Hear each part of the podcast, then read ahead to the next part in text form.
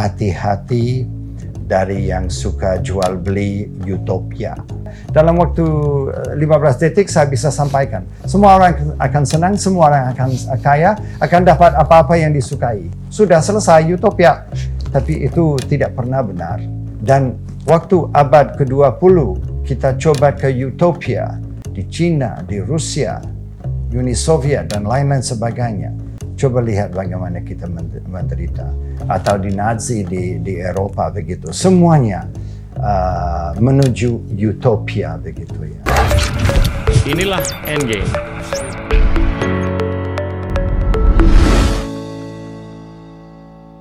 Halo teman-teman, saya sering kali ditanya di sosmed.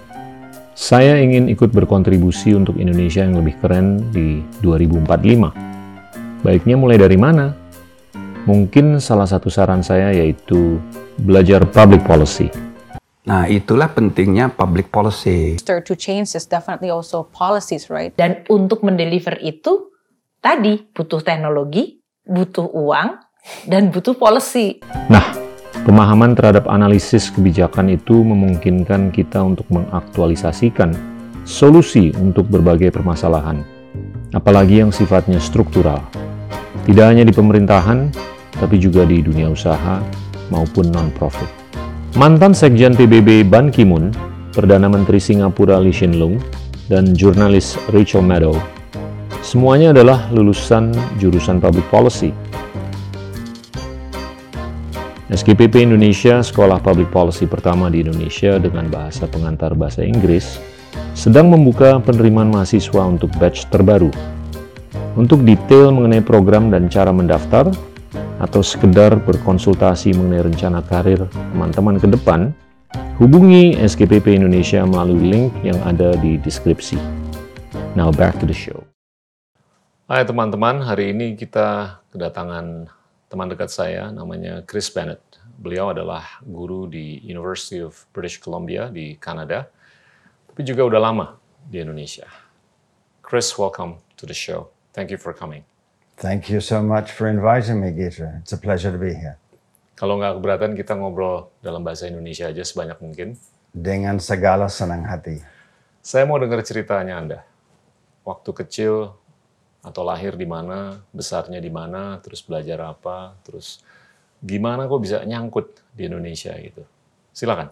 Wah itu pertanyaan panjang ya, tetapi lahir di Inggris, saya seorang gado-gado, uh, campur uh, Perancis, Irlandia, Swiss, dan Inggris, tapi warga negara Inggris. Okay. Dan besar di Inggris uh, dan di Perancis. Uh, perguruan saya ada di uh, Exeter dan di Manchester di Inggris. Dan uh, dalam ilmu fitopatologi, penyakit uh, tanaman, terutama penyakit pohon dan uh, sesudah sel saya selesai uh, pelajaran, uh, saya uh, mengikuti suatu cita-cita, yaitu uh, jalan uh, dari Amerika Utara sampai Amerika Selatan, dari Alaska jalan sampai kaki. Jalan Betul. kaki, naik kuda, perahu, wow. bis, truk, segalanya selama satu setengah tahun. Kira-kira begitu. Ujungnya kota apa di selatan? Ujungnya di Ushuaia, di Argentina. Oh, dekat ini Antartika yang uh, Tidak terlalu jauh dari Antartika. Wow. Dan dari sesudah perjalanan itu selesai, saya sudah tahu saya tidak mau balik ke Inggris. Jadi saya mencari uh, bekerja di tempat lain, merantau. Dan saya ketemu sewaktu jalan dengan seorang yang mengatakan silakan hubungi saya kalau balik ke London. Saya balik ke London, saya telepon dia. Dia bilang kebetulan ada pekerjaan di Sumatera. Mau nggak? Saya bilang ya mau. Mau. Kenapa tidak? Walaupun saya tidak tahu Sumatera di negara mana. Pada akhirnya uh, saya diwawancarai, saya diterima dan saya mulai bekerja di Sumatera Barat, tinggal di Solo dan tinggal di sana selama lima tahun. Tapi uh, waktu pertama uh, karier saya lebih sesuai dengan uh, apa yang saya pelajari di universitas. Jadi saya dipanggil di Indonesia karena ada penyakit cengkeh. Hmm. Penyakit cengkeh Di. Solok? Di Solok. Oke. Dan eh, tujuan saya ke sana untuk mencari apa penyebabnya.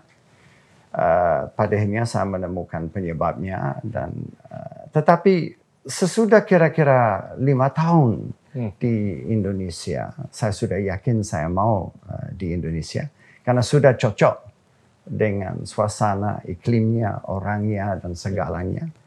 Saya mulai tertarik dengan aspek-aspek eh, lebih eh, bersifat ekonom dan ek- antropologi. Dan waktu itu saya mulai bekerja dengan orang dari Universitas Harvard. Dan I made a career change. A career change. Ini usia berapa, Chris? Usia saya Waktu eh, itu? waktu itu oh masih muda. Sebetulnya saya tidak tahu apa-apa. Umur 26 tahun. Wow. Enggak, yang lebih eh, jujur, 99% dari apa yang saya eh, pelajari, saya belajar dari orang Indonesia, dari suasana Indonesia dan segalanya. Memang ilmunya ada, tetapi eh, saya beruntung karena orang Indonesia, terutama orang Minang di Sumatera Barat, eh, menerima saya di sana. Eh, tetapi saya mulai tertarik dengan aspek eh, lingkungan lebih luas daripada masalah penyakit. Dan pada akhirnya, I made a career change. Jadi uh, tetap tetap berkenaan dengan uh, pohon, uh, masalah pohon, tapi lebih bersifat ekonomi, antropologi, sosiologi dan lain-lain sebagainya. Itulah kira-kira Kalau boleh tahu yang penyakitnya apa yang ditemukan terkait dengan ah, pohon penyakit cengkeh yang menyebabkan namanya Sumatra disease atau penyakit mati bujang dari cengkeh itu disebabkan oleh suatu bakteri. Hmm. Nah, saya berhasil di satu sisi menemukan itu apa. Itulah bakteri. Pseudomonas solanacearum. Itu bahasa latinnya. Ya. Tapi saya gagal dalam upaya menyembuhkan uh, pohon cengkeh dari penyakit itu. Karena hanya ada satu-satunya jalan untuk uh, me- mengobati pohon cengkeh pada waktu itu. Yaitu menyuntik batang dengan antibiotik. Hmm. Tentu saja itu tidak ekonomis dan tidak aman juga karena uh, antibiotik yang digunakan adalah antibiotik manusia. Jadi nggak boleh begitu. Um, dan juga seperti saya katakan tadi, Gita, saya sangat tertarik kok. Kenapa masyarakat, kenapa pejabat, kenapa swasta uh, tidak tidak mau uh, apa na- namanya menerapkan apa yang saya uh, sampaikan kepada mereka. Maka itu saya mulai tertarik dengan aspek ekonomi, antropologi, sosiologi, psikologi. Jadi karir saya, my career menuju ke situ. Apalagi kerjasama dengan rekan-rekan dari Universitas Harvard. Kira-kira begitu. Tapi tetap fokus pada pohon. Chris, Anda udah lama sekali di Indonesia.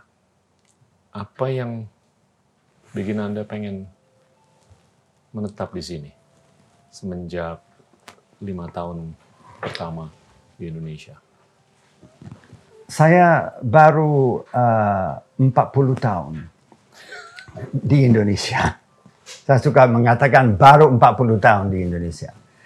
Uh, dan sebetulnya yang yang yang paling uh, menarik kepada saya bahwa banyak frontiers here, banyak yang belum uh, diketahui, banyak yang harus di, dikejar dan dan dan diketahui dengan memakai ilmu dan segalanya.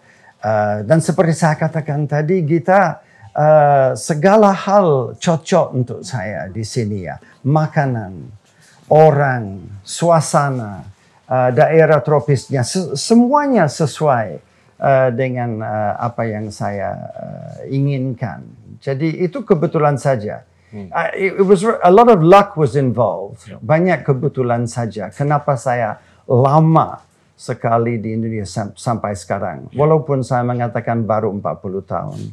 Yang yang bikin Anda cocok dengan Indonesia tentunya adalah unsur orang di Indonesia kan. Tapi sejauh mana ini juga terkait dengan permasalahan yang harus diselesaikan di Indonesia. Saya pengen tahu itu titik keseimbangannya di mana tuh. Karena Anda kan udah 40 tahun di sini, Anda melihat adanya satu atau beberapa isu yang harus diobati atau harus diselesaikan kan. Yang cukup multidimensional. Jujur kita waktu saya pertama ke sini, saya diberikan nama oleh orang Minang, si pemarah. Saya banyak belajar dari orang Indonesia, bukan sebaliknya. Padanya saya merasa malu. Kok saya dibawa dikirim ke sini untuk membantu, padahal kadang-kadang membantu eh, mengga, saya yang mengganggu begitu ya.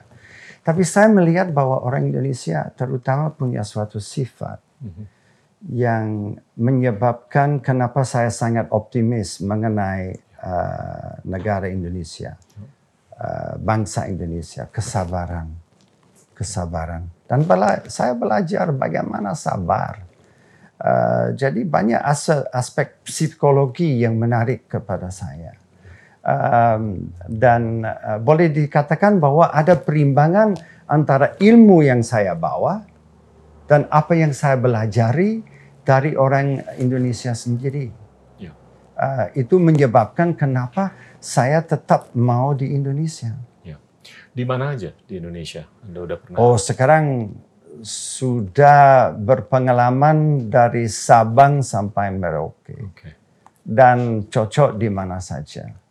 Anda cukup lama di Papua juga kan waktu itu ya? Cukup lama di Papua juga, ya di Papua, di Aceh juga, uh, mana-mana. ya. Kalau saya boleh tahu apa yang bikin masing-masing daerah itu beda dan masing-masing daerah itu sama satu sama lain dari sisi bidang Anda.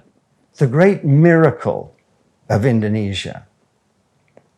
Apa itu miracle dalam bahasa Indonesia? Miracle. Waduh. Keajaiban Iya, atau apa? keajaiban ke Is Iya. di mana-mana kita menginjak bumi Indonesia, di sana ada etos, Ya. karakter Indonesia. Dari Sabang sampai ke Merauke, Kalimantan, Sulawesi, NTB, NTD, Manado, sampai ke perbatasan dengan Filipina. It is amazing, amazing to me bahwa masih kita merasa uh, ethos, the character of being Indonesian di Nusantara yang terbesar di dunia. Incredible. Ya, Oke. Saya saya pernah ikutin apa sih lecture-nya Anda. Anda bicara mengenai local endowments. Bicara deh sedikit mengenai itu. Thank you. Ya. Terima kasih. Untuk untuk kepentingan anak-anak di Indonesia salah supaya satu mereka ngerti gitu loh apa yang salah- harus diapresiasi. terima kasih kita. Salah satu jihad struggle dari saya adalah meyakinkan uh, semua pihak, Iya. ilmuwan, pejabat, Iya. swasta, kepentingan dari kearifan lokal. Kearifan lokal mengenai pengelolaan lingkungan. Luar biasa di Indonesia.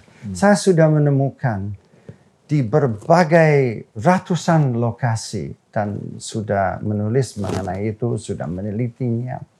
Bahwa kearifan lokal menunjukkan bagaimana kita dapat mengelola uh, sumber daya alam dengan secara ekonomis, tetapi juga yang sayang lingkungan dan membawa manfaat untuk ma- masyarakat. Dan itu berasal dari kearifan lokal. Tidak berarti bahwa hanya kearifan lokal yang bisa bikin Indonesia maju, tentu saja.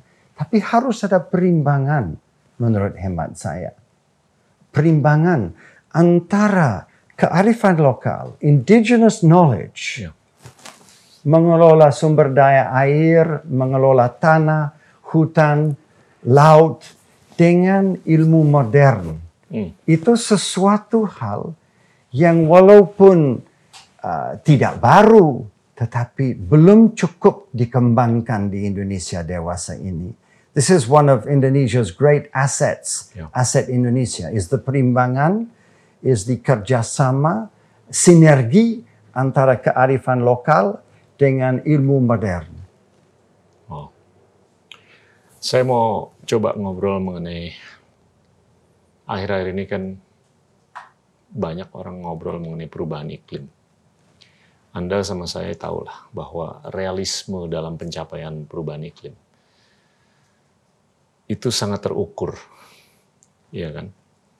Saya mau coba cari tahu secara struktural yang paling praktis itu apa sih untuk anak-anak muda di Indonesia, untuk mereka bisa mengambil sikap apakah ini di hilirnya atau di hulunya yang harus kita sikapi untuk kita bisa lebih merawat planet kita ini yang kita cintai. An easy and a difficult question at the same time. Ya, Ini gampang tapi susah juga ya. Tetapi saya mau sedikit sebagai provokator, bukan provokator politik tapi Siap. provokator pikiran. siap. Marilah kita fokus kepada apa yang berarti bagi bangsa Indonesia. Ini sama halnya bisa di Afrika, di Amerika, di mana saja ya. Lupakanlah sementara ini, maaf ya, lupakan karbon, emisi karbon, emisi gas rumah kaca. Memang penting itu ya. Tapi susah meyakinkan orang setempat di sini bahwa emisi karbon uh, yang begitu mempengaruhi iklim di dunia dewasa ini itu penting bagi mereka. Mereka mencari bagaimana hidup. Maka itu saya tekankan entry point, titik masuk Ya. yang terkait dengan karbon tapi tidak langsung ke karbon, yaitu sumber daya air. Ya. Sumber daya air. Karena semuanya kita memerlukan air. Sekarang hari ini maunya air sebagai aset, Ya. bukan sebagai ancaman. Dan air itu terjaga oleh eksistensi penutupan hutan di daerah hulu. Jadi kalau mau berpikir dari hulu sampai ke hilir, titik masuk menurut hemat saya Gita itu memikirkan uh, sumber daya air. Bagaimana agar supaya air itu kita dapat manfaatkan secukupnya Ya. dan cukup bersihnya, kuantitas dan kualitasnya. Tapi untuk itu juga perlu kita memandang, memikirkan penutupan daerah hulu uh, oleh hutan, pohon dan lain-lain sebagainya begitu. Itu titik masuk menurut saya Ya. untuk memikirkan supaya ada aksi yang ada kaitan tapi kaitan tidak langsung dengan uh, Ya. perubahan iklim global. Seringkali orang tuh nggak bisa ngelihat korelasi kan antara kualitas air atau kurang atau cukupnya air dengan apa yang harus disikapi di hulunya kan. Jadinya menurut Anda nih edukasinya perlu di sini dulu. Bahwa air itu adalah yang paling fundamental. Which I completely agree with you. Karena it's existential untuk humanity kan. Tapi gimana nih nyambungnya? Kalau kita mulai dengan air, kita perlu kan kecukupan. Bukan hanya kuantitas, tapi kualitas juga. Nah, gimana nyambungnya dengan apa yang kita harus sikapi di hulunya? Karena kenyataan di lapangan tentunya deforestasi itu cukup pervasif di seluruh dunia. Di Kanada juga, di Brazil, di Indonesia, dan di tempat-tempat lain. Proses edukasinya gimana, Chris? Ah, i- i- i- i- i- itulah tantangannya kita Ya. ya. Ah, Proses proses edukasi ya. Ya. Tapi bukan hanya dari buku. Ya, Ini harus ah, untuk ini harus ada visualisasi. Ya. Menurut hemat saya salah satu tools, instrumen yang perlu kita harus lebih memanfaatkan adalah ah, tools visual ya. Memvisualisasikan datanya ilmuwan sudah tahu hubungannya. Ya. Sebetulnya masyarakat desa juga tahu hubungannya. Kalau di tingkat desa, mereka tahu kalau uh, Bukit uh, Gundul nanti uh, meningkatkan uh, risiko akan longsor pada musim hujan, meningkatkan risiko akan kebakaran. Tapi kalau di kota, memang uh, dari satu hari ke hari yang lain, kita tidak memandang sampai sejauh itu ya. Tapi harus ada upaya visualisasi. Tidak semua di kota, 30 juta orang dari metropolis Jakarta, uh, di bawah ke daerah hulu untuk belajar itu. Maka itu uh, perlu ada edukasi, komunikasi dengan berbagai alat supaya melihat hubungan antara hulu dan hilir.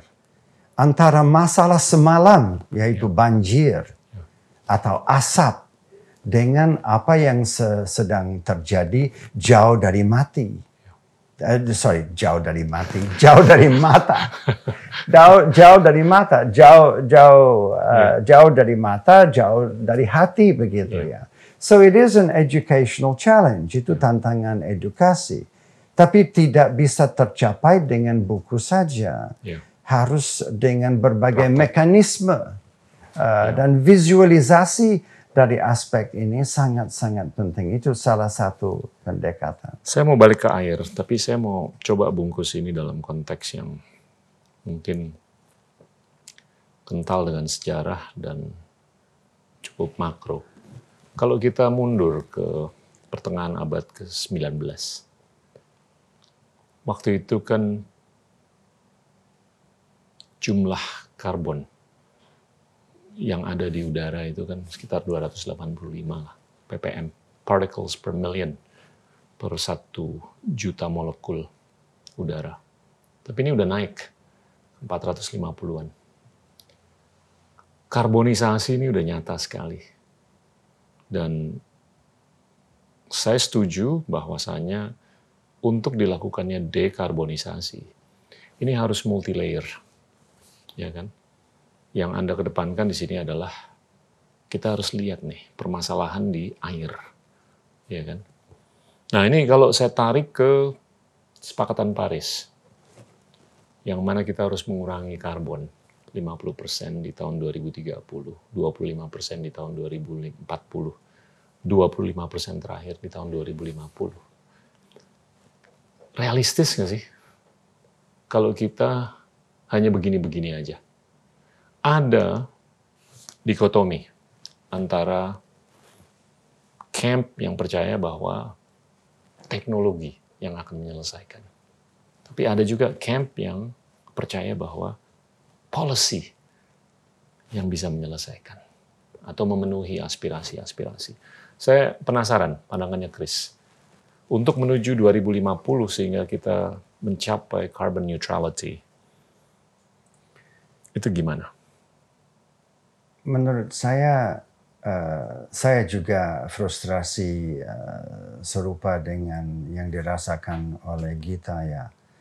Sebetulnya uh, menurut menurut saya uh, kita perlu memikirkan mitigasi, yeah. mitigasi. Setiap ada pertemuan seperti akhir ini di Glasgow ada pertemuan di di COP 26 ya Ya. Ada yang bikin janji lagi ya, janji-janji terus begitu ya.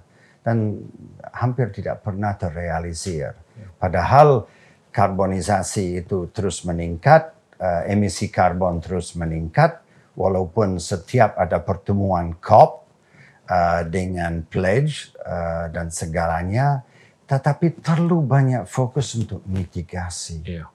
Menurut hemat saya, tidak cukup kita memikirkan adaptasi. Ya. Kita harus berupaya mitigasi ya. jelas, hmm. tapi jangan kita apa menipu diri sendiri ya, karena pengalaman mengajar kita bahwa uh, apa emisi karbon terus meningkat. Ya. ya, saya tidak akan menyalahkan. Ya dulu-dulu waktu Industrial Revolution uh, itu Inggris terutama dan Eropa terutama sekarang itu itu uh, di di Cina dan negara lainnya. Tapi saya tidak mau menyalahkan siapa yang salah si A si B ya. ya. Kenyataan bahwa industrialisasi itu berjalan. Diharapkan uh, akan uh, ada mitigasi, tapi jangan kita mengabaikan adaptasi. Marilah kita mengakui bahwa karbonisasi itu terus-menerus akan meningkat. Diharapkan akan dikurangi, tapi jujur sedikit ya. Marilah kita memikirkan adaptasi. We have to think about adaptation, not just mitigation. Ya, maka itu uh, memikirkan di pulau-pulau yang uh, satu meter di atas permukaan laut itulah ketinggian tertinggi dari pulau-pulau ya.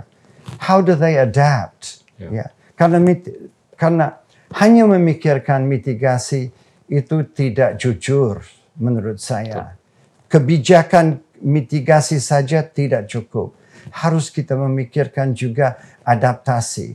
Dan untuk antisipasi pertanyaan kita kedua, apakah kita bisa adaptasi? Kalau memang karbon terus meningkat, suhu terus meningkat, well, saya tidak bisa meramalkan, tapi saya yakin bahwa uh, bahwa dengan teknologi, dengan inovasi, hmm kita memang banyak bisa mengadakan membuat adaptasi ya. ya. Jadi sebagai kesimpulan, di samping tetap ada upaya mitigasi yang sampai sekarang kurang berhasil, ya. jujur ya. Marilah lebih menekankan aspek adaptasi. Siap-siap mengantisipasi nanti kalau suhu uh, naik bukan satu setengah derajat tetapi dua, tiga atau empat atau lima derajat Celcius existential. Dan saya, saya sepakat sekali, adaptasi mungkin lebih realistis daripada mitigasi untuk sementara ya. Dan kalau saya bungkus adaptasi ini kan dalam konteks keterbukaan manusia, ya kan, untuk melakukan perubahan. Tapi keterbukaan manusia untuk melakukan perubahan ini juga bisa diukur dari beberapa hal. Satu, proses edukasinya, apakah itu edukasi budaya, sosial, ekonomi, teknologi, dan lain-lain. Terus juga, contohnya gini, Grace. Saya kalau ngelihat Greta Thunberg, ini pulsa budaya kan. Dia follower Instagramnya mungkin 17 juta.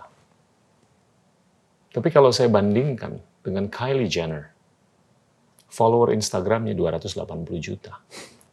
Ini dikotomi kan sikap atau gaya hidup yang satu ini sangat peka terhadap lingkungan. Yang ini kayaknya sangat pro karbon gaya hidupnya.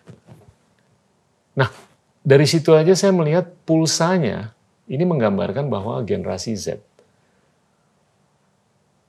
itu belum bisa melakukan adaptasi sejauh secepat apa yang kita inginkan. Gimana supaya seimbang nih? Ini juga 280 juta followernya, supaya pemahaman, edukasi, sosialisasi, kepekaan terhadap kepentingan lingkungan itu masif. Dan itu saya lebih yakin kalau ini seimbang followership-nya.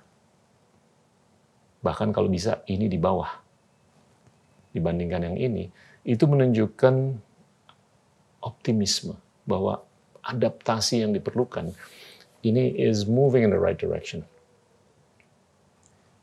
Saya rasa masalahnya bahwa ada eh, konsekuensi dari apa yang disampaikan Gita. Seperti ada satu pilihannya. Mau milih pertumbuhan ekonomi atau mau memilih uh, perlindungan lingkungan hidup menurut saya itu itu itu it's a false choice. Right. Itu pilihan salah. Sebetulnya ekonomi tergantung keberlanjutan ekonomi, hmm. keberlanjutan pertumbuhan tergantung kepada mutu pengelolaan lingkungan. Dan pengelolaan lingkungan membutuh investasi yeah. yang berasal dari ekonomi. Yeah. Kedua-duanya saling menunjang. Tuh. Jadi dunia dua dunia itu harus diupayakan supaya dikawinkan. Yang saya tidak setuju dengan teman-teman uh, di uh, lingkungan hidup uh, yang terlalu anti usaha, anti bisnis, anti investasi. Yeah. Yeah. Sebetulnya investasi bisnis dan ekonomi menunjang dapat menunjang uh, lingkungan dan sebaliknya kalau nanti usaha terbawa banjir atau uh, karyawan uh, pada musim kemarau sakit semuanya karena kebakaran justru karena kerusakan uh, lingkungan dan lain-lain sebagainya. Tentu saja kita melihat bahwa pembangunan uh, ekonomi dan uh, perlindungan uh, lingkungan itu semestinya dipantau, dilihat di sebagai uh, sesuatu yang yang sesuatu hal yang saling menunjang. They they mutually reinforcing. It's not is it this capitalism, economic growth, or is it looking after nature and the environment? Bagaimana membawa kedua-duanya? Bagaimana mengakui bahwa satu tergantung kepada yang lain. Yeah. And that is one of the of, of, of the tantangan dewas ini tidak melihat bahwa harus pilih satu atau yang lain. Yeah. Kylie Jenner atau Greta Thunberg begitu ya. No, I just wish they'd somehow talk to each other.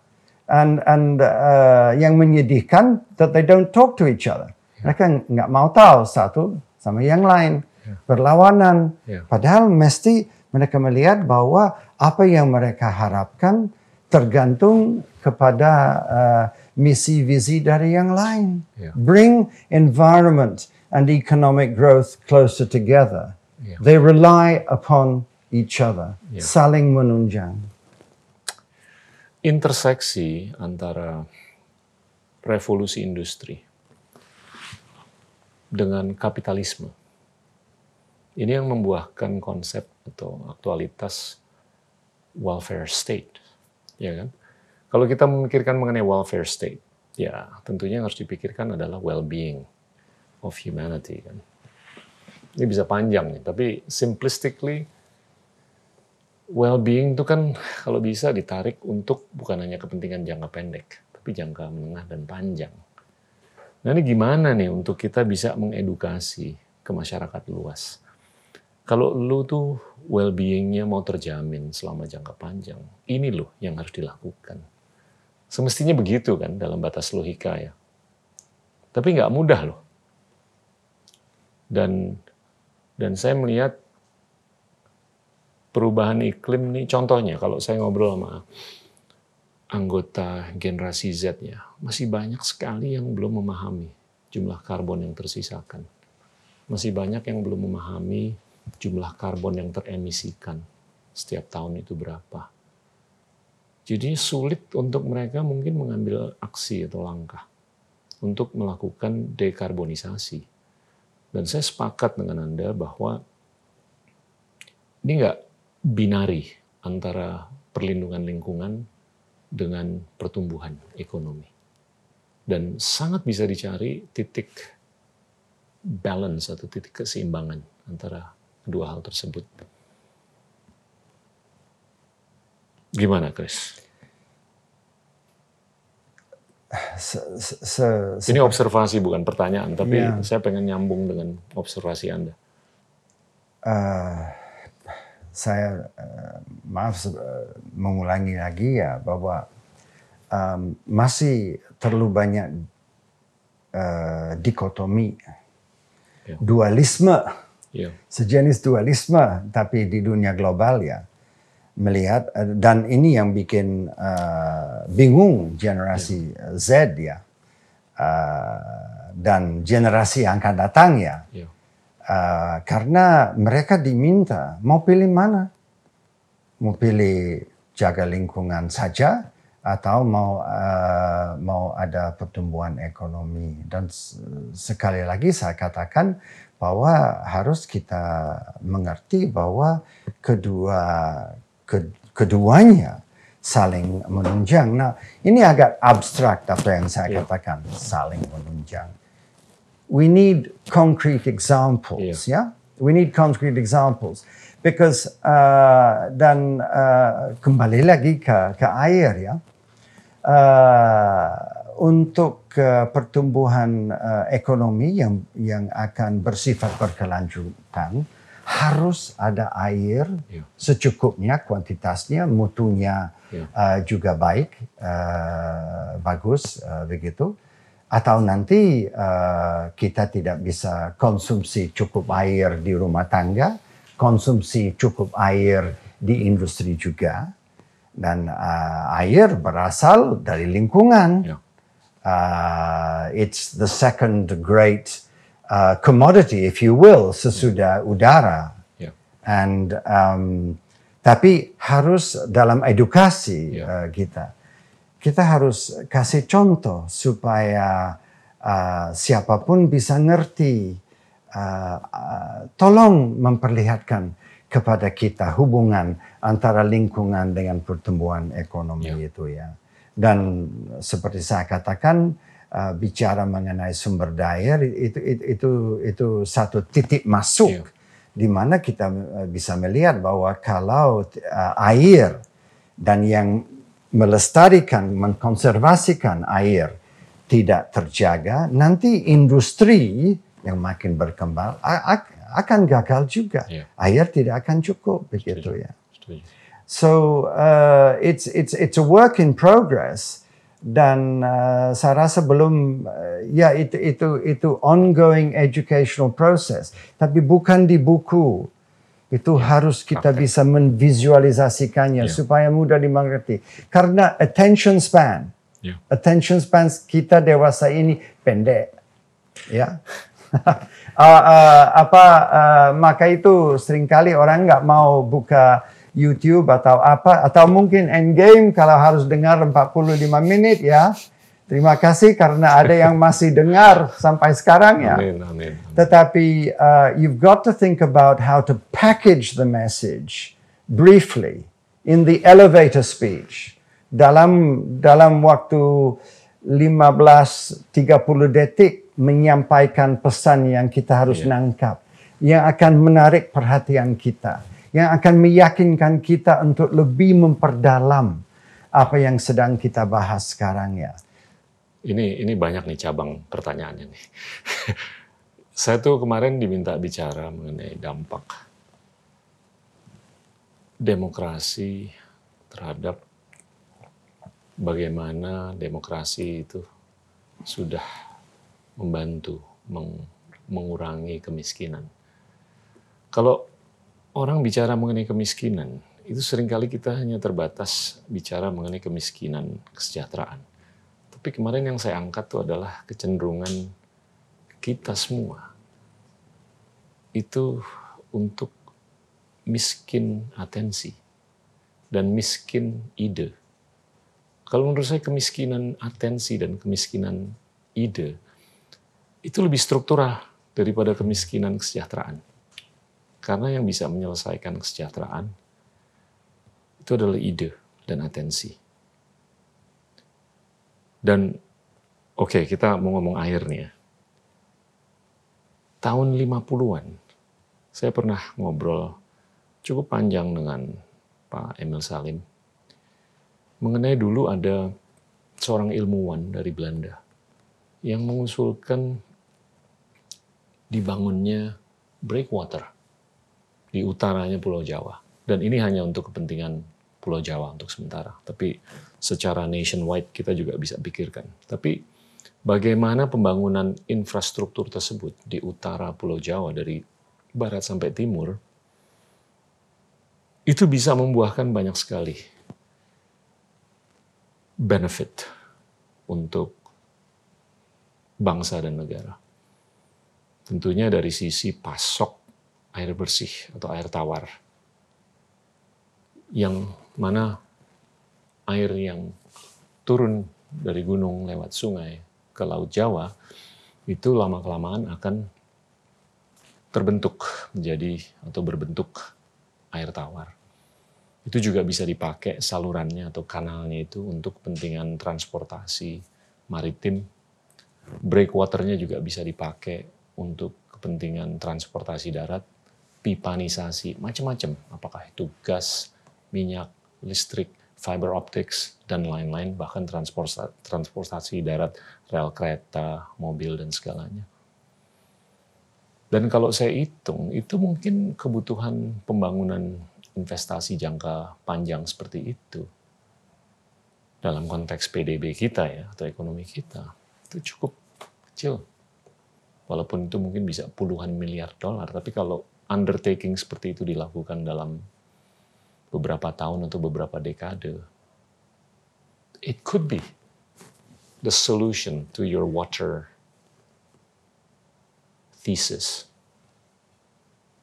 Gimana, Chris? It could be. Ya. It could be. Dan uh, it could be. Dan kadang-kadang suatu ide, suatu teknologi, suatu pendekatan is ahead of its time. Ya.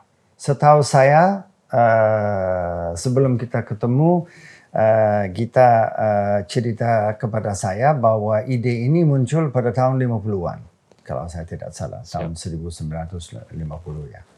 Dan itu belum belum saatnya. Betul. Mungkin sekarang 70 tahun kemudian itulah saatnya. Ya.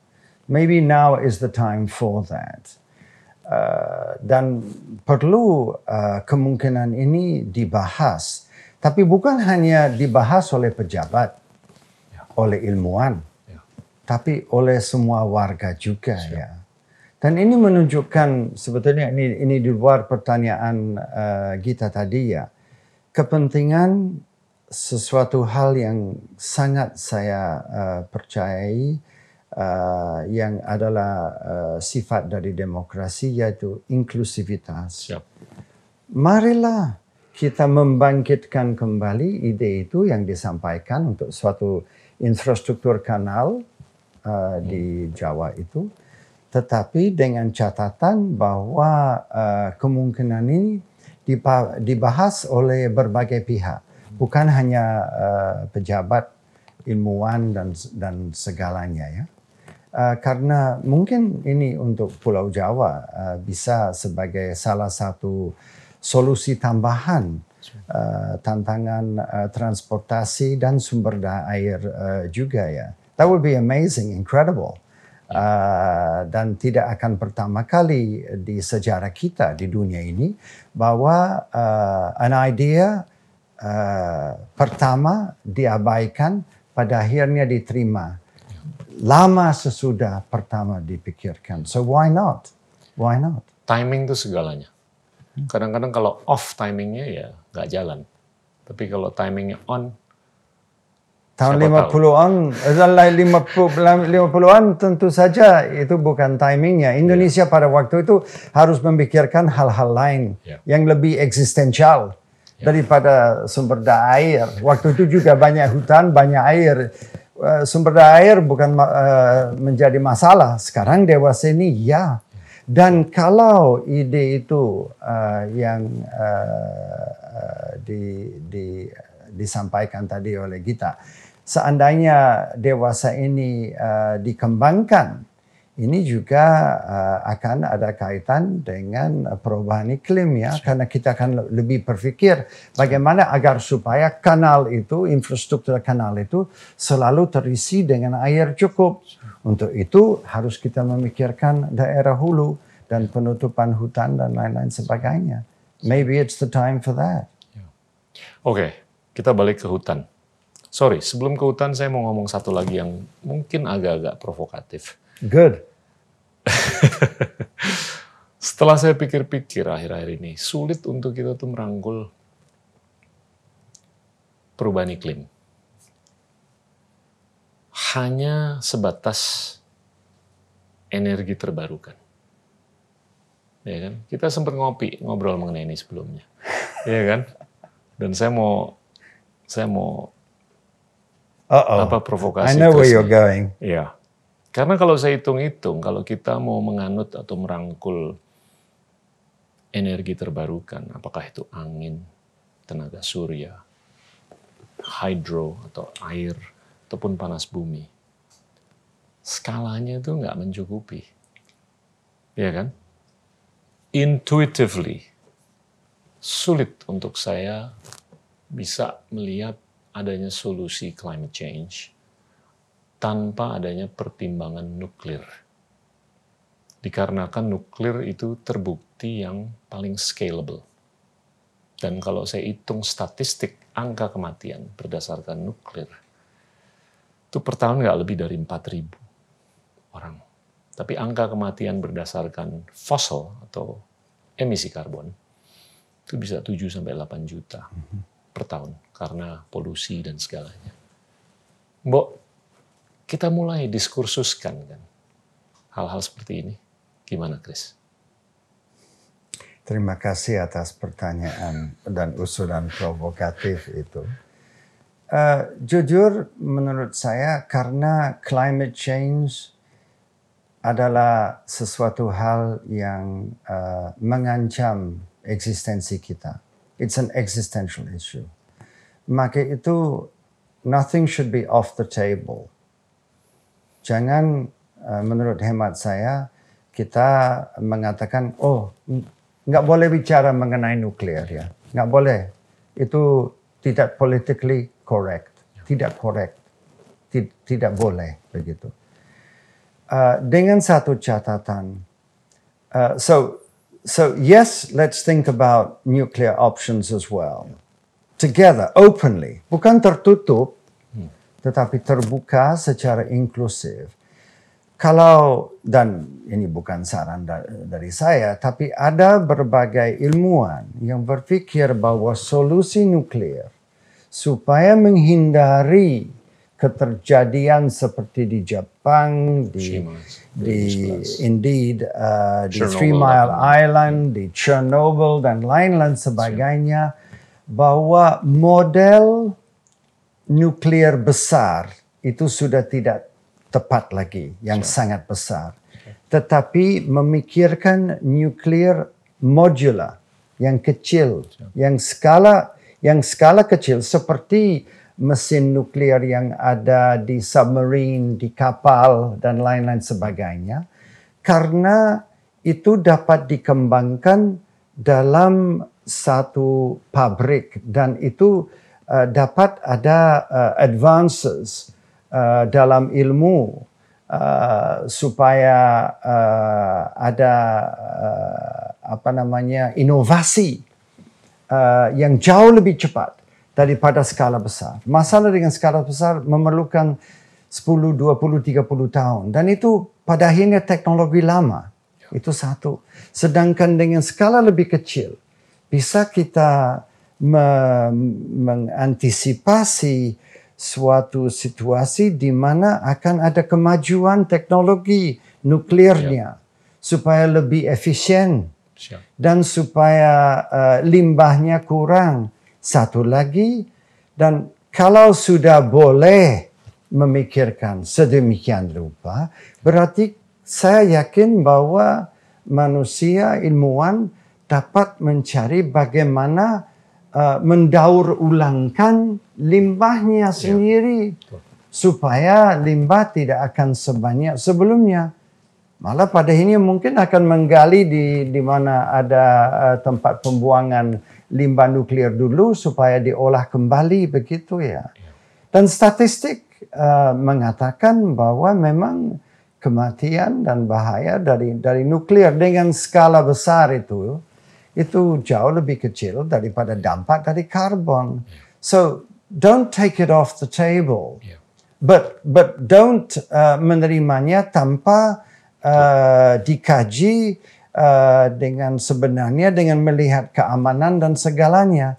Tetapi pendekatan modular small scale nuclear yang sedang dipikirkan dewasa ini, uh, because climate change is existential. Yeah jangan uh, oleh karena political correctness kita mengatakan nggak boleh memikirkan nuklir. Hmm.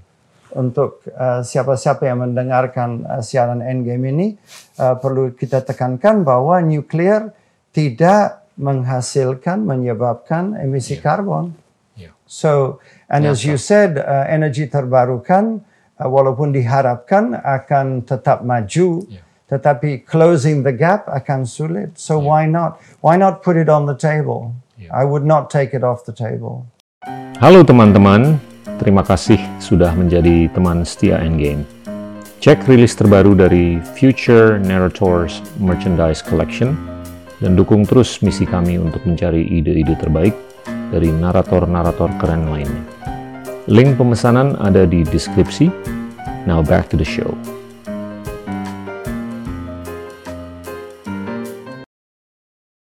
Saya bukan mau menyodorkan absolutisme di sini, tapi yang seperti Anda bilang, keterbukaan untuk kepentingan adaptasi, untuk kita bisa menyesuaikan diri, untuk mencari solusi, dan keterbukaan untuk minimum ngobrol mengenai topik ini sebelum kita mendiskursuskan. Nah, kita ngobrol mengenai hutan lagi nih. Saya tuh suka baca bukunya si Suzanne Simard yang juga dari UBC orang Juga Kanada. dari UBC, betul. warga negara Kanada bukan Inggris tapi dia ngajar apa dari British Columbia. Dia tuh kalau ngobrol mengenai pohon tuh indah sekali. Seakan-akan itu sesuatu yang punya jiwa. Dan saya suka sekali karena kebetulan saya suka pohon dan tanaman dan bagaimana dia tuh mendeskripsikan adanya jaringan mikoriza yang ada di bawah pohon. Dan yang menariknya adalah pohon itu bisa bicara satu sama lain. Bagaimana kepentingan dia tuh bisa mengirim nitrogen dan karbon. Ini kan nyambung dengan climate change. Dan bagaimana secara diskriminatif dia bisa milih kalau pohon yang di sampingnya ini ada hubungan keluarga dengan dia, dia akan lebih mengsuplai atau memasok nitrogen dan karbon dibanding apa pohon-pohon di sekitarnya. Gimana nih, Chris? Pengetahuan seperti itu untuk gimana kita lebih memelihara perpohonan atau perhutanan di Indonesia supaya ujung-ujungnya supaya pasok karbon itu bisa lebih banyak di bawah tanah. Mereka bisa menyerap, dipasok, dan segalanya.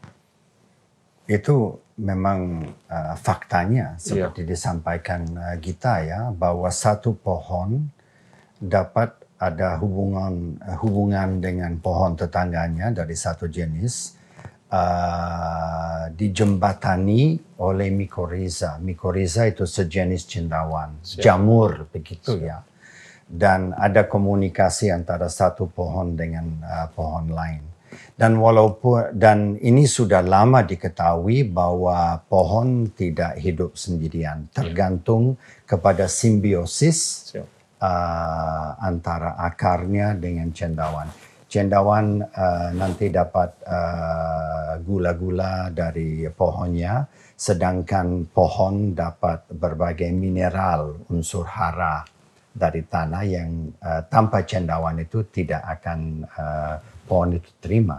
Maka itu kadang-kadang ada upaya reforestasi, reboisasi. Kalau tidak diikut, kalau pohon tidak diikut sertakan dengan cendawannya, ya. Itu akan kurang baik pertumbuhannya. Itu itu sudah sudah lama diketahui. Cuma memang menjadi menjadi populer sejak ada ibu dokter uh, itu yang dari uh, University of British Columbia. Uh, antara lainnya bukan hanya dia ya so uh, dalam uh, upaya reboisasi penanaman pohon segalanya harus juga memikirkan apakah kita juga sedang menanam uh, membawa uh, jamur itu yeah. yang pohon memerlukan dan secara teknis itu sangat-sangat penting. Maka itu kadang-kadang reboisasi kurang berhasil uh, jika tidak tanah dari hutan sedikit ya. ditabur di ya, atas Betul. dan cendawan nanti terintroduksi di dalam tanah dan pohon akan tumbuh lebih baik ya. begitu ya. So it's it's a fact, it's true. Uh, maka itu tidak semua yang kita memandang yaitu pohon yang penting harus kita memperhatikan uh, tanah juga ya. dan pohon tergantung kepada simbiosis Betul. dengan cendawan yang namanya mikoriza itu itu harus diperhatikan cerita deh di Bogor itu pohon bisa nangis oh gimana Um, okay, why not? Uh, saya uh, dua tiga tahun yang lalu ada di uh, lokasi C4 Ikraf yang uh, dekat dengan IPB dan ada dua pohon dua pohon kapok di sana. Saya tidak tahu kenapa, tetapi satu pohon uh, kapok itu ditebang. Ya, saya juga menanya kok kenapa ditebang ya? Kebetulan saya lewat dan ini betul. Saya akan kasih keterangannya sedikit lagi ya, tetapi pohon yang tidak ditebang, tetangganya, adiknya, kakaknya Iya. menangis. Apa maksud saya menangis? Tentu saja uh, tidak ada air uh, mata, Iya. tidak. Tetapi semua kembangnya, buahnya rontok, jatuh seperti hujan. Kedengaran tik tik tik tik tik tik, semuanya habis. Dan saya terkejut. Saya terkejut. Saya ilmuwan. Tetapi saya juga hobi puisi dan filsafat. Dan saya merasakan bahwa pohon saudaranya uh, dengan cara sendiri menangis. Dengan semua bunganya rontok. Sampai habis, habis, habis. Saya cuma menyesal uh, saya tidak ada HP dan saya ambil fotonya ya. Itu cuma mungkin satu menit ya. Dengan attention span Ya. pendek saya akan posting itu di YouTube ya. Tetapi jelas bahwa pohon sebelah yang tidak ditebang menderita menurut hemat saya gara-gara saudaranya ditebang begitu ya. Dan um, eh, itu itu itu suatu suatu keterjadian yang yang uh, sangat menarik dan menakan uh, perhatian saya begitu ya. Tidak ada alasan yang memuaskan kenapa akan seperti itu ya. Saya merasa untung juga bisa menyaksikan itu. Karena itu adalah salah satu uh, bukti Ya. apa yang kita bahas bersama sekarang bahwa ada komunikasi antara antara pohon. Itu sudah jelas. Itu udah kayak jaringan internet di bawah tanah. Yes, Ya kan? indeed. Antar sesama pohon. Indeed. Dan Indeed. itu udah komunitas yang yang kalau menurut saya harus diperhatikan ke depan. harus diperhatikan. Ya. It's, itu sejenis uh, World Wide Web or, or, or, or apa yang uh, Web of Life atau apa. Tetapi yes, absolutely, Ya. absolutely. Chris, kita ngobrol mengenai masa depan sekarang. Biasanya kita tuh di ujung-ujungnya tuh ngobrol mengenai Indonesia 2045. Pandangan Chris gimana? Mengenai Indonesia menuju 2045. Dalam konteks apa pun. Oke, terima kasih. Um, saya sangat optimis uh, untuk masa depan Indonesia. Uh, uh, dengan berbagai catatan, tapi optimis uh, karena uh, melihat sejarah. Kalau kita mau memandang ke depan, harus kita memperhatikan sejarah. Dan dan kenapa kenapa saya optimis? Uh, pertama saya mau uh, satu impian, satu harapan saya suatu ketika saya kalau tidak terlalu sibuk kerjakan ABCD-nya, uh, mungkin bersama kita kita akan menulis buku ya. Dulu uh, 20 tahun yang lalu uh, Adam Schwartz menulis uh, buku Indonesia, A Nation in Waiting. Waiting. Ya. Ya, Indonesia siap-siap menjadi uh, a nation, ya, uh, negara modern dan segalanya. Uh, judul buku itu uh, yang saya mau nulis dengan uh, kita itu Indonesia a great Nation. nation in waiting. Not just a nation. Indonesia is already a nation. Yeah, already a, a, a, a, a growing democracy. Uh, but it can be great. Kenapa saya optimis mengenai itu? I'm cautiously optimistic. Tidak terlalu optimistik ya, tidak buta optimis ya. Itu karena uh, negara Indonesia punya dua etos two characters, dua sifat. Satu courage, but the other one is humility. Perimbangan antara courage, keberanian dengan humility merendahkan uh, apa? Hum, saya nggak tahu bagaimana menerjemahkan Semangat. courage and humility. Kerendahan hati dan semangat. Yeah, Hidup and and itu. because because uh, it, it, it- maka itu saya saya saya optimis un- untuk masa depan.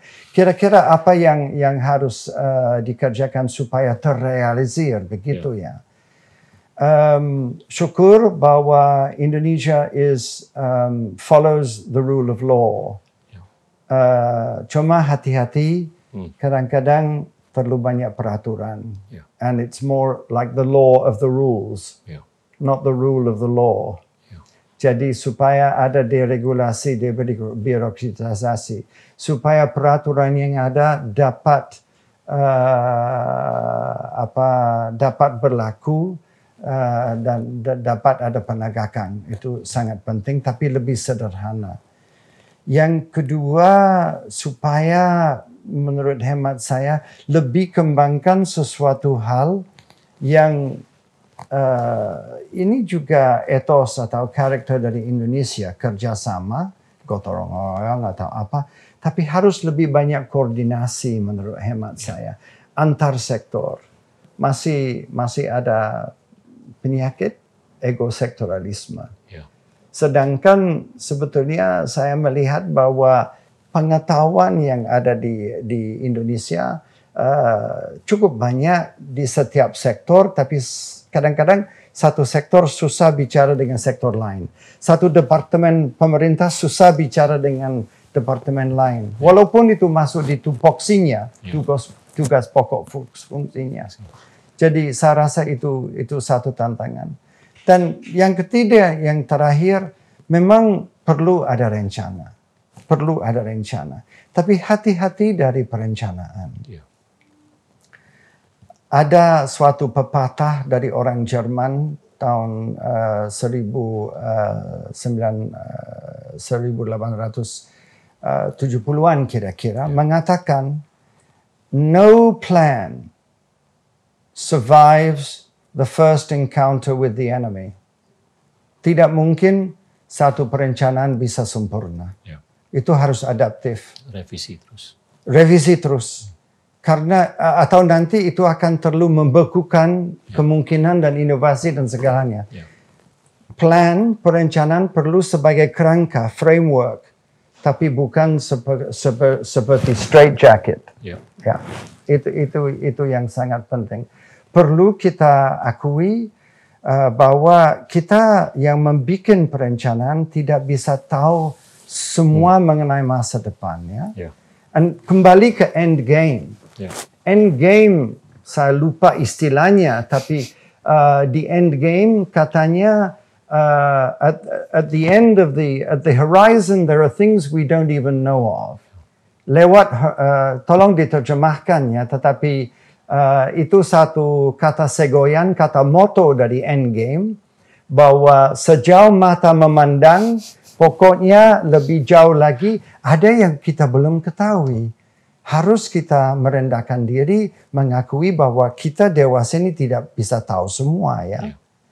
Maka itu uh, dan ini saya tidak berani menerjemahkan ke dalam bahasa Indonesia, tapi ada satu filsafat puisi Ya.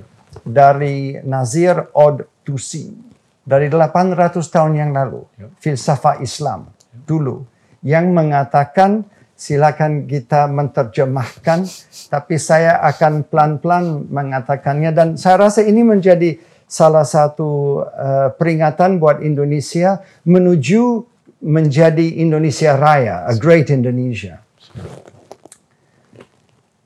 He who knows and knows that he knows can make the steed, kudanya, of his intelligence leap over the vault of heaven. Right. He who does not know, but knows What he doesn't. that he doesn't know, can bring his lame little donkey to the destination nonetheless. Let me guess. But, but, he who does not know what he doesn't. and does not know that he does not know Yeah. is forever stuck in double ignorance. Wow. I think it's pretty self-explanatory. Nggak perlu diterjemahkan. Baik. So, so I, I, I'm optimistic going forward to uh, 2045 for Indonesia. Dengan Sepakat. catatan itu. Sepakat. Ini saya, aduh ada beberapa cabang pertanyaan nih gara-gara Anda ngomong begini. Oh. Ini kalau saya lihat, saya sepakat sekali dengan filsafat ini. Tapi kalau saya mau lihat, yang saya tangkap dari omongannya Chris, ke depan ini kita harus ada keterbukaan untuk tidak membakukan rencana hidup kita. Dan saya setuju, segalanya nggak baku. Tapi juga revisi itu semestinya harus kental dengan pengetahuan. Iya kan? Dan lucunya kalau saya lihat akhir-akhir ini pengedepanan teknologi atau pengetahuan teknologi, science, itu nggak didampingi dengan filsafat. Seperti apa yang kita lihat di era Enlightenment, abad 17 dan 18. Bahkan bisa ditarik ke 3000 tahun yang lalu lah. Zamannya, ya. All the great philosophers lah. Aristotle, Socrates, Pythagoras. Yang mana pemikiran mereka yang kental dengan abstraksi itu bisa disambung dengan scientific discoveries, right? Sorry, ini agak-agak philosophical, Chris, tapi ngeri juga kan. Kalau kita tuh ke depan mengedepankan sains tanpa filosofi atau filsuf. Karena ada risiko tidak adanya kebijaksanaan dalam aplikasinya atau pemberdayaannya. Gimana, Chris? Sangat setuju. Uh, tidak bisa ditawarkan bahwa perkembangan ilmu, ilmu Ya. pengetahuan, uh, pertumbuhan ekonomi, perlindungan lingkungan segala harus diikut sertakan, harus diarahkan oleh refleksi Ya, filsafat. ya, Jelas, itu akan memperkaya pikiran mengenai pilihan kita ke ke depan. Iya. Saya sangat sangat percaya itu. Maka itu saya senang bahwa sudah ada di di Jakarta ada filosofi cafe uh, dan uh, Kopi. serupa ya. Philosophy is important uh, dan uh, harus kita refleksi mengenai uh, apa uh, introspeksi dan membagi uh, dengan teman-teman implikasi uh, filsafat terhadap uh, jalan yang kita pilih ya. Dan bukan satu-satunya jalan membandingkan satu jalan dengan jalan lain. Selalu ada Iya. ada lebih dari satu. Kadang-kadang uh, pilihan skenario pembangunan hanya bisa cukup diperkaya kalau diikut sertakan dengan refleksi atau penggunaan pemanfaatan filsafat. I personally believe that. ya.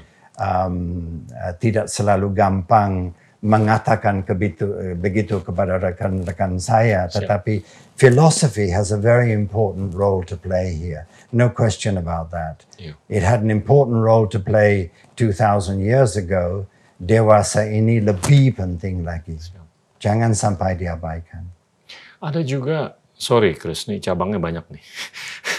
Ada kecenderungan di manusia akhir-akhir ini, bahkan di policy making bodies, yang mana mereka tuh menderita dari amnesia sejarah. Dan mereka menderita dari kurangnya cognitive immunity untuk membedakan fakta dari fiksi. Fiksinya gimana nih? Kita bisa lah ngobrol sampai berbusa untuk coba mengobati ini. Tapi gimana kita bisa melembagakan fixnya atau obatnya agar kita tuh nggak menderita dari amnesia sejarah? Dan juga kurangnya cognitive immunity. Bahaya sekali. Iya. Cognitive immunity itu sangat bahaya. Iya, Kesadaran sejarah sangat-sangat penting. iya, Kalau mau tahu uh, ke mana kita dewasa ini, harus uh, ada uh, kesadaran mengenai sejarah. iya, Uh, berbagai orang ilmuwan, uh, sastra segala terkenal mengatakan kalau kalian tidak cukup mengerti dan mengetahui mengenai sejarah, sejarah akan diulangi, Siap. termasuk perang dunia dan segalanya. History is terribly, terribly important. Waktu saya anak sekolah, anak muda, saya nggak mau, mau tahu mengenai sejarah. Sejarah itu mati, it's finished. iya. No. Now makin lama makin tua saya melihat bahwa untuk uh, lebih uh, mempertimbangkan pilihan kita ke depan. Uh, jangan sampai ada cognitive immunity mengenai sejarah. Sejarah juga harus uh, diikut sertakan uh, dalam uh, pikiran uh, kita supaya kita tidak mengulangi uh, uh, apa yang uh, peristiwa-peristiwa sebelumnya. Saya kasih satu contoh konkret. Hati-hati dari yang suka jual beli utopia. iya. Utopia bisa jadi. Saya nggak percaya. Walaupun saya optimis, Yeah. tapi saya optimis mengenai a second best world. Yeah. I don't believe we will ever go to utopia. Yeah. Utopia is kind of scary. Iya, Dan waktu abad ke-20 kita coba ke utopia di Cina, di Rusia, Uni Soviet dan lain-lain sebagainya. Coba lihat bagaimana kita mend- menderita.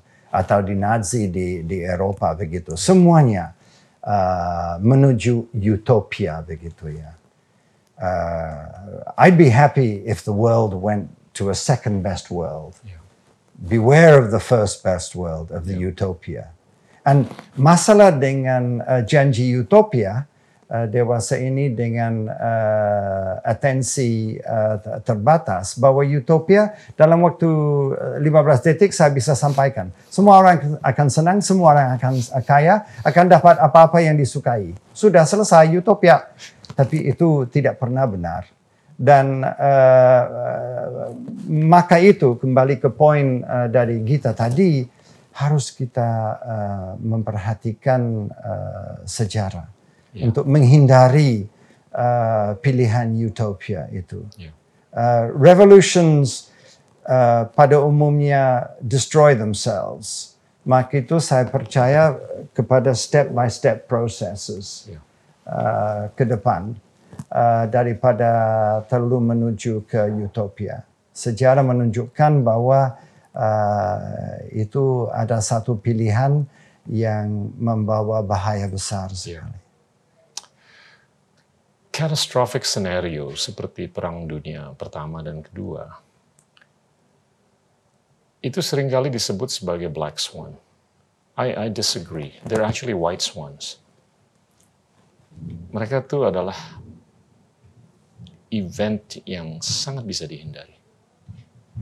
Dan kita bisa antisipasi. Ke depan tugas kita lah untuk bagaimana kita menghindari nih prospek kejadiannya katastrofi yang tidak diinginkan. Khususnya dalam konteks iklim. Terakhir nih Chris, ini kita boleh batasi dalam abstraksi aja deh. Akhir-akhir ini anak-anak muda nih sering ngobrol mengenai blockchain. Ya, it's not my cup of tea, it's not your cup of tea. Tapi mungkin dong kalau kita berdayakan konsep seperti itu untuk gimana kita bisa mentokenisasi air. Gimana kita bisa mentokenisasi pohon. Gimana kita bisa mentokenisasi jaringan mikoriza.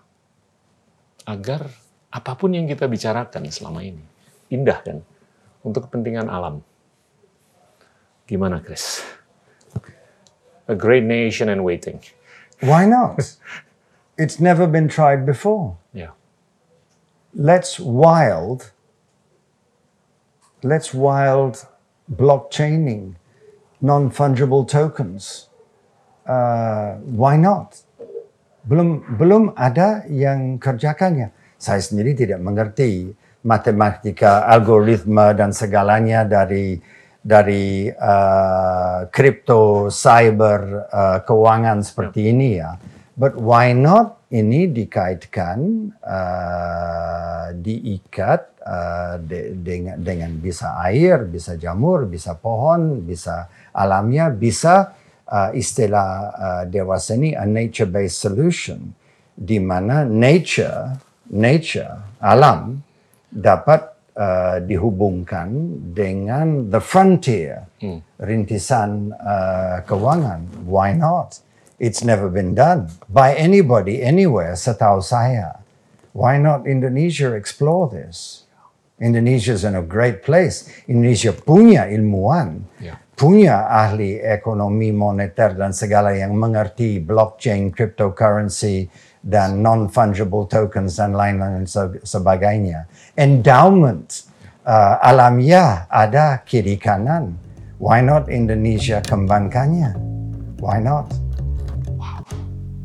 Fascinating. Terima kasih banyak, Chris. Terima kasih kembali kita. Dan terima kasih Endgame. Sama-sama. Teman-teman, itulah teman Indonesianis kita, Chris Bennett. Terima kasih. Inilah Endgame.